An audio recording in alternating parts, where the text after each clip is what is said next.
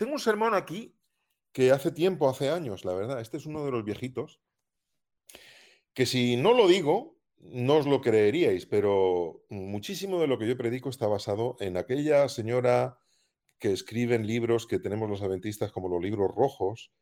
Yo predico muchísimo de eso, pero nadie se entera porque lo hago de una manera tan actual y tan diferente que no lo parece. Pero en realidad lo que yo cuento no es mío. sí es que soy muy poco original. Eh, lo quiero hacer un poco en, formato estudio bíblico, así que si tenéis Biblias, vamos a abrir micros, vamos a leer y vamos a compartir, ¿de acuerdo? ¿Os parece? Sí, muy bien. Muy bien. Bueno, pues hay un, hay, un texto conocidísimo eh, que mm, quiero leer, que, que, alguien lea. Venga, lee, porque si no voy a hablar yo mucho y tampoco es plan. Venga, es Lucas 6, 41, 42.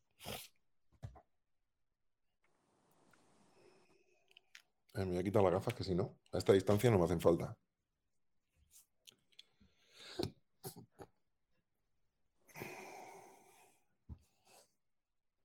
¿Por qué miras la paja que tiene tu hermano en el ojo y no te fijas en el tronco que tú tienes en el tuyo? Y si no te das cuenta del tronco que tienes en tu ojo, ¿cómo te atreves a decirle a tu hermano, hermano, déjame sacarte la paja que tienes en el ojo? Hipócrita, saca primero el tronco de tu ojo y así podrás ver bien para sacar la paja del ojo de tu hermano. Ah, esto es un texto que yo creo que es uno de los textos favoritos de los adventistas del séptimo día. Porque nos encanta sacar pajas de los, de los ojos de los demás, pero que no nos toquen la nuestra. Siempre le hacemos referencia a los demás, pero nunca, nunca, nunca, nunca se nos se aplica a mí. y yo me sonrío muchísimo. Y cuando yo me pongo a leer la Biblia, me pongo a leer, ya sabéis que yo me pongo a leer y, le doy vueltas. Susana a veces se aburre porque eh, me puedo tirar un solo día, un día entero meditando en dos versículos o en tres, y, porque yo me imagino eh, toda posible situación. Bueno, no os he contado todo lo que he pensado solamente esta mañana de ocho versículos, hay, más, más ideas. Lo de la zarza, lo de que, que, eso no toma un momento, ni dos momentos, ni tres momentos, eso son días y días, en fin, bueno. Yo estaba pensando en este texto hace tiempo y decía, ostras, desde luego, mira que Dios tiene sentido del humor, ¿eh? porque tiene sentido del humor. Esto es un sarcasmo, esto es un zasca de estos que salen en el leitmotiv, como digo yo, vamos, o sea, brutal. ¿Ande vas? ¿Ande vas? Si tienes una pedazo de viga en tu ojo, ¿ande vas? En plan Leo Harlem, me lo imagino. O sea, total. Y luego, eh, quitando ese, ese aspecto humorístico, sarcástico, que Dios tiene un sentido del humor muy fino y a veces no tan fino, eh, por cierto, que es imprescindible para poder entender muchas partes del Antiguo Testamento, las, ciudades de refugio, las leyes de lapidación y etcétera. En realidad está Dios, Dios, diciendo, anda, es que mm, corre, tira, ve y mata a tu hijo a perada si es que tienes el valor. En fin, bueno, no, voy a entrar ahora en todo eso. Eh, luego me puse a pensar en, corcho, ¿cómo es posible que yo tenga una pedazo de viga, de tronco, de, lo que sea, enorme en mi ojo y no me moleste. A ver, no sé si me, explico. Yo, yo, estaba dándole vueltas y digo, ¿cómo es posible que me entre una motita de polvo, se me pone el ojo rojo como un tomate y que no hay manera de que tal, porque enseguida te llora, oye tú, mira, y empiezas a buscar ayuda. ¿Cómo es posible que se me meta una viga tan gorda en el ojo y no me haya enterado? ¿Cómo es posible que yo no note eso tan grande y no me dé cuenta? Y que los demás enseguida se dan cuenta porque es que te sale la viga del ojo. O sea, ¿qué proceso tiene que ocurrir para que tú llegues a tener una viga gigante, un troncazo en tu ojo y tú no te hayas dado cuenta? Y entonces, dándole vueltas, dándole vueltas, llegué al desarrollo de todo esto. Y es, y es interesante, porque tiene muchísimo que ver con algo que no he tratado todavía y que se quedó pendiente, que es Mateo 25, las diez vírgenes. Las diez vírgenes que tenían aceite reserva ni se dieron cuenta de que habían hecho reserva. Y ahí viene la palabra clave, ni se dieron cuenta. Las cosas ocurren de forma que no nos damos cuenta, poco a poco. Es algo muy interesante. La Biblia nos dice, y ahora, ahora voy a entrar en materia y luego al final vuelvo a este punto de origen. La Biblia nos dice qué es lo que sí hay que hacer en cuanto a cuando otra persona se equivoca. Porque lo primero que hacemos cuando otra persona se equivoca es ir corriendo a sacarle la pajita del ojo para que no le haga daño, porque yo soy muy bueno. Cuando en realidad lo que estoy haciendo es fíjate, fíjate, fíjate, y, señalando con el dedo a los demás. Porque eso es lo que hacemos. Eh, el que diga lo contrario mm, no se da cuenta de que en el fondo lo que hago es que yo soy mejor que tú, por eso te puedo ayudar. Pero bueno, eso es una autocrítica, voy a dejarlo ahí. Pero la Biblia sí nos dice lo que sí hay que hacer. Estoy soltado yo hoy con los sarcasmos. En Proverbios 17.9 vamos a leer algo interesante. Venga, lee Proverbios 17.9. Venga, a ver qué dice. Luego me podéis lapidar si queréis. ¿eh?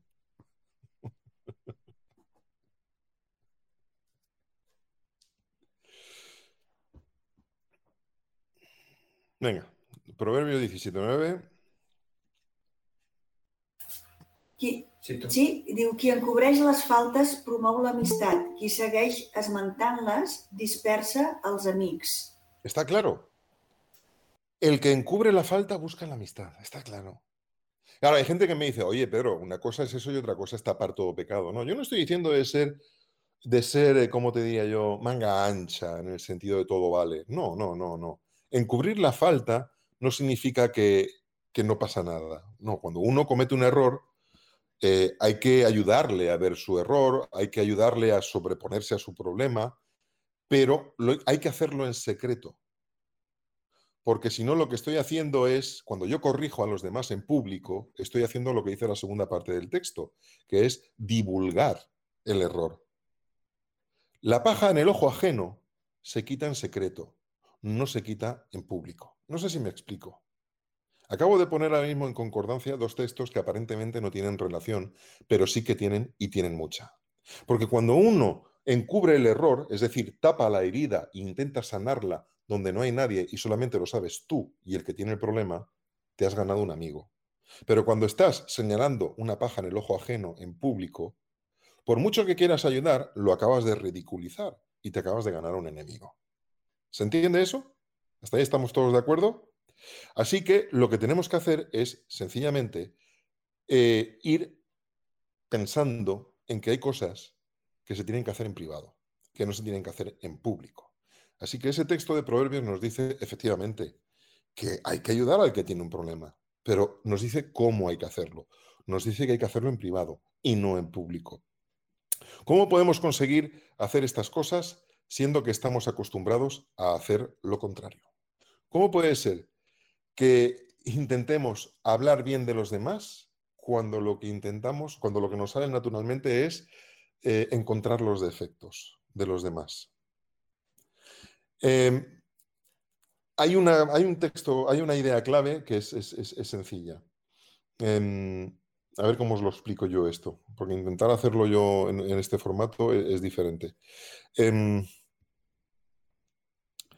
Cuando. Ah, bueno, lo, voy a hacer de otra manera. Bueno, antes, mientras tanto, id, buscando Efesios 4.8, que es el siguiente texto. Buscad Efesios 4.8, que es Efesios 4.8, el siguiente texto. Vale. Mientras lo buscáis, ya he retomado el hilo, recordemos aquí una cosa interesante, una idea clave. Las palabras que dicen que Jesús acusaba el pecado. Hay gente que dice, eso sonará mucho, que Jesús señalaba el pecado, que Jesús sacó el látigo para limpiar el atrio del templo. ¿Os suena eso? ¿Sí? Alguna vez incluso lo hemos dicho nosotros mismos sin querer. Y hay gente que dice que no, que, que, el pecado hay que denunciarlo, que hay que ser como Elías, que efectivamente hay que ser como Elías, hay que denunciar el pecado. El problema es cómo lo hacemos. Y ahí está el punto. Y el punto es que los adventistas, y perdóname que hable así de claro, y en primera persona como, como, como pueblo, como grupo, nos hemos acostumbrado tanto a buscar el defecto y el pecado y el error para poder ser puritanos, que es lo único que sabemos identificar. Mm, a mí no me gusta la caza, pero es un tema que, porque he vivido en el campo y tal, lo he tenido muy de cerca.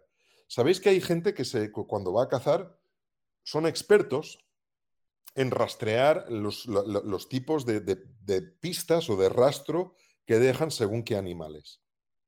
Y son capaces de ver cosas que ni tú ni yo somos capaces de ver.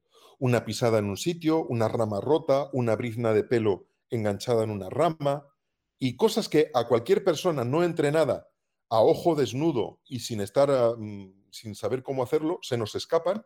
Una persona que está entrenada, habituada, a fuerza de, repetir y repetir ese ejercicio de buscar pistas de un jabalí, de un animal o lo que sea, identifica enseguida, están habituados a ver cosas que los demás no vemos. ¿Me entendéis hasta aquí? Vale. Igual que, no sé si está Miguel por ahí, es, lo digo por, llamar a un arquitecto. él entra en un edificio, por ejemplo, y seguro que se le va los ojos a una grieta en una esquina de una pared que a los demás nos pasa inapercibida o desapercibida, ¿de acuerdo? Sin embargo, a alguien que es lo suyo, eso enseguida le llama la atención. Bueno, pues el resumen es que nos acostumbramos a hacer, a mirar, a fijarnos en cosas, y eso es lo que sea, uno, adquiere el hábito. Eh, Em, el tema es el siguiente. Si nos acostumbramos a buscar solamente la paja en el ojo ajeno, ¿seríamos capaces de identificar en un momento determinado las cosas positivas de los demás? ¿Qué sería más fácil identificar en los demás? ¿Las cosas fáciles, o sea, las cosas positivas o las cosas negativas? ¿A qué es a lo que tenemos nuestro ojo entrenado? a encontrar los defectos o las virtudes. Porque eso es lo que va a pasar. Yo no sé si me estáis siguiendo hasta aquí el razonamiento. Y esa es la clave. Cuando uno se va de caza y es cazador, enseguida encuentra lo que otros no encuentran, esos defectos en el terreno que le dan indicios de que hay un animal que está un poquito más adelante. Nosotros, y perdonadme que sea así de franco, y me pongo el primero, ¿de acuerdo? En tono de mea culpa, porque a mí todavía me queda mucho trabajo para deconstruir lo que he estado construyendo durante décadas y décadas en mi vida. Eh, somos auténticos especialistas en, a ojo de pájaro, identificar los defectos en la vida de los demás. Y es que se nos da de bien, y si a eso añades encima que nos encanta menos mal que estoy en Francia y no veo la tele, pero el Sálvame Deluxe, el Sálvame del no sé qué, y todos estos programas basura donde la gente lo único que hace es sacar trapos sucios, sacar basura, sacar, perdón, mierda de los demás en público, ¿a qué estamos acostumbrando nuestro carácter, nuestros sentidos, nuestro intelecto? Porque eso es lo que, esos son los ladrillos con los que estamos construyendo nuestro carácter cada día incluso cuando vemos la prensa, la tele, los medios, etcétera, etcétera. Hay un texto que en la Biblia, que conoceréis, es muy conocido, no vamos a descubrir nada nuevo, que los psicólogos lo identifican con la actitud mental positiva. ¿Sabéis lo que es la actitud mental positiva? ¿no? Intentar buscar el lado positivo de todas las cosas. Y ese texto que define bíblicamente la actitud mental positiva es Efesios 4.8. Vamos a leerlo. Por lo demás, hermanos, todo lo que es verdadero, todo lo honesto, todo lo justo, todo lo puro, todo lo amable, todo lo que es de buen nombre, si hay virtud alguna, si algo digno de alabanza, en esto pensad. Este texto, yo no sé hasta cuánto lo hemos interiorizado o meditado. ¿Sabéis? Cuando hay comadreo en la iglesia, cuando nos juntamos entre amigos, lo más normal por suerte o por desgracia, más bien por desgracia, es que acabamos sacándole los trapos sucios a alguien. Si no, no hay una buena camaradería. No somos buenos amigotes, no somos buenos compadres. Tenemos que acabar sacándole la piel a tiras a alguien. Y es ahí cuando uno está en ese ambiente de, ay, te has enterado de esto, fíjate la otra. Y lo siento, pero eso es lo que se llama el marujoneo de la vecina del quinto de toda la vida. Y es ahí donde uno se siente en confraternidad de la más íntima en todos los niveles. Estamos tan acostumbrados, y repito, a encontrar lo negativo de la vida de los demás que nos cuesta ver lo positivo. Sin embargo, el apóstol Pablo nos dice justo lo contrario, me encanta este positivismo. Si hay algo bueno, auténtico, positivo, verdadero, digno de, alabanza, de, honor, de señalar, de, nombrar, de subrayar, algo puro, algo que realmente sea positivo, algo amable, algo honorable, si hay alguna virtud, cualquier cosa que digas, esto vale la pena, en eso pensad. Y ahí es donde yo me quedo en blanco. Me quedo en blanco porque me cuesta mucho pensar en las cosas positivas de los demás que en los fallos que cometen los demás. Y yo me he dado cuenta de eso. Si ahora mismo dijéramos, venga, en pequeña, en petit comité, decime un defecto de, eh, de, Santi, digo Santi porque tengo confianza, decime un pequeño defecto de Santi, ahora que Santi no nos oye, seguro que cada uno diría, hombre, pues mira, Santi, a ver, no es un defecto, pero, no es un defecto, pero, ¿vale? Y todos tenemos alguna cosita que decir, pero si yo dijera, fijad ahora el ejemplo, quiero que todo el mundo de los que estamos aquí hoy conectados me dijera algo, una cosa positiva de todos y cada uno de los que estamos conectados. Se os quedaría la mente en blanco mucho más a menudo que si estuviésemos hablando de pequeños comadreos. ¿Por qué? Porque no tenemos el intelecto entrenado para hacer eso. Porque no estamos acostumbrados a buscar ese tipo de pistas de rastreo que el cazador suele buscar. Nos hemos entrenado a buscar unas pistas y no otras. No sé si me entendéis lo que quiero decir. Y la Biblia nos pide, nos recomienda precisamente que vayamos en esa línea. Ahora, quiero que hagáis un ejercicio un poquito difícil. Todo el mundo tiene un archienemigo. Todo Batman tiene su Joker. Todo Superman tiene su Kryptonita o su, llamadlo como queráis. Todo héroe tiene su antihéroe. Todos tenemos un enemigo. Alguien que nos cae fatal. Y no me digáis que no. Porque si me decís que no, digo, el que menos simpático de todos os cae, ¿vale? Siempre hay uno que nos cae poco simpático, vamos a ser positivos.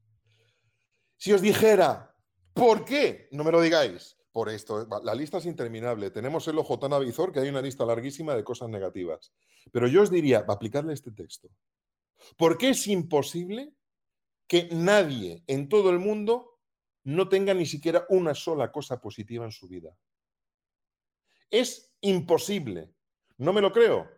Porque si no tuviera absolutamente nada positivo en su vida, sería tan digno de juicio como las que ya murieron en Sodoma y Gomorra. ¿Me explico?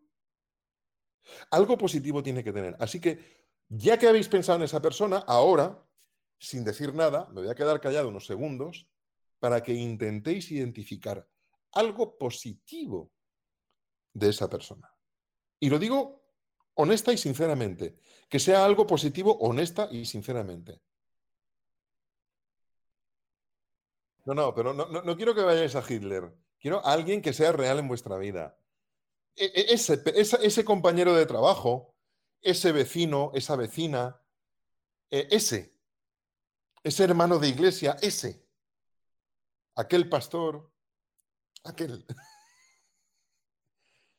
y pensad en algo positivo. Bueno, el punto es el siguiente, seguro que lo tiene, no, no, quiero alargar más esto. El tema es el siguiente, ¿os dais cuenta de que nos cuesta? Esto es para hacer un ejercicio práctico y real de que realmente, de que estamos acostumbrados a buscar lo negativo y no lo positivo en la vida de los demás. Y eso nos condiciona. Y nos condiciona muchísimo más de lo que pensáis. Y eso afecta a nuestro carácter. Y afecta a nuestro carácter muchísimo más de lo que pensáis. Pero muchísimo más. Porque esa es la explicación de dónde viene aquella viga que tenemos en el ojo. Ahí está la clave. No voy a entrar ahora con Mateo 18, 15 en adelante. Si alguien tiene algo contra ti, ve y habla con él a solas. Si no te escuchara, entonces toma dos o tres, tal. Pero me, me encanta cuando dice, deja tu ofrenda, vete y habla con él a solas. La Biblia siempre insiste, no solamente allí, sino en muchos sitios. Soluciona las cosas en privado. Que nadie se entere. No empieces a sacar los trapos sucios en público. Las cosas se solucionan vis a vis, tú a tú, y gánate un amigo. No te ganes un enemigo. Sé que cuesta, pero debemos de fijarnos siempre en lo positivo y lo menos posible en las faltas y en los errores de los demás, de los que nos rodean. El pecado es una enfermedad que nos plaga. Es un virus, es una pandemia que se contagia mucho más rápido que el coronavirus. Que no os quepa la menor duda y que para poder dejar esto incluye un ejercicio de voluntad muy superior al que os pensáis. Es muchísimo más difícil cambiar lo que os voy a proponer que dejar de fumar en cinco días o que otras muchas cosas. Cuando sintamos deseos de lamentarnos, de desahogarnos con el amigo, con el vecino, con la cuñada, con el lo que sea, porque el vecino o la vecina, el hermano o la hermana de iglesia o lo que sea me ha hecho esto o lo otro, eh, estamos cayendo de nuevo en el mismo círculo vicioso. Mm, a ver, si callamos, tapamos, la válvula de escape y al final la olla de presión va a explotar. Tampoco se trata de eso. Se trata de intentar meter la olla que está a punto de explotar debajo del chorro de agua fría.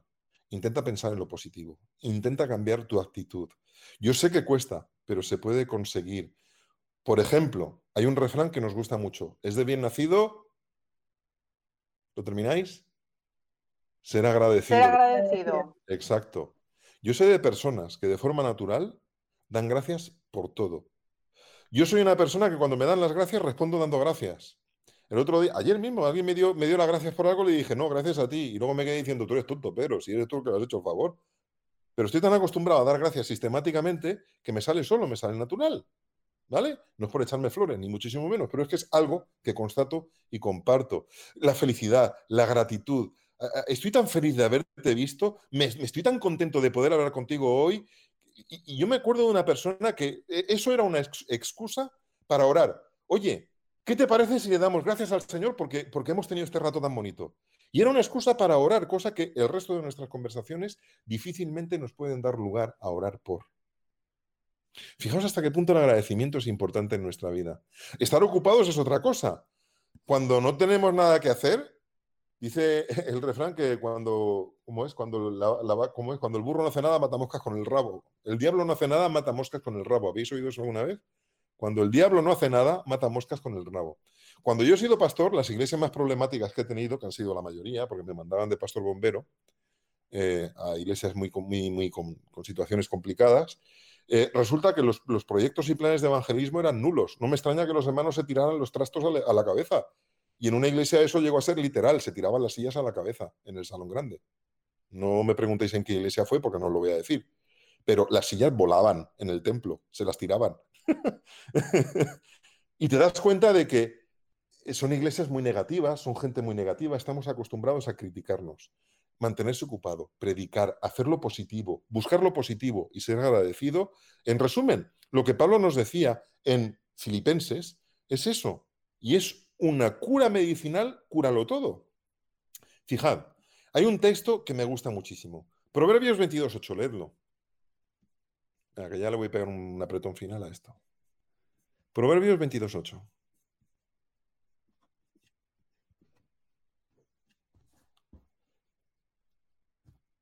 Que está, por cierto, está recogido en el refranero español.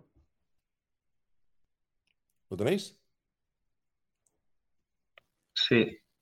Qui sembra injusticia recull desgracias. La vara de la seva furia es trencada. O dicho de otra manera, el que siembra tormentas. Ahí muy bien. Veo a Merced que habla, aunque está con el micro ahí. Recoge tempestades. ¿Qué es, lo, ¿Qué es lo que recogemos a lo largo del día? Porque eso es con lo que estamos alimentando el alma, con lo que estamos alimentando nuestra mente. Nuestra mente es una oveja que está todo el día pastando. Y cuando está todo el día pastando, está pastando de, las, de los brotecitos que le estamos dando de comer.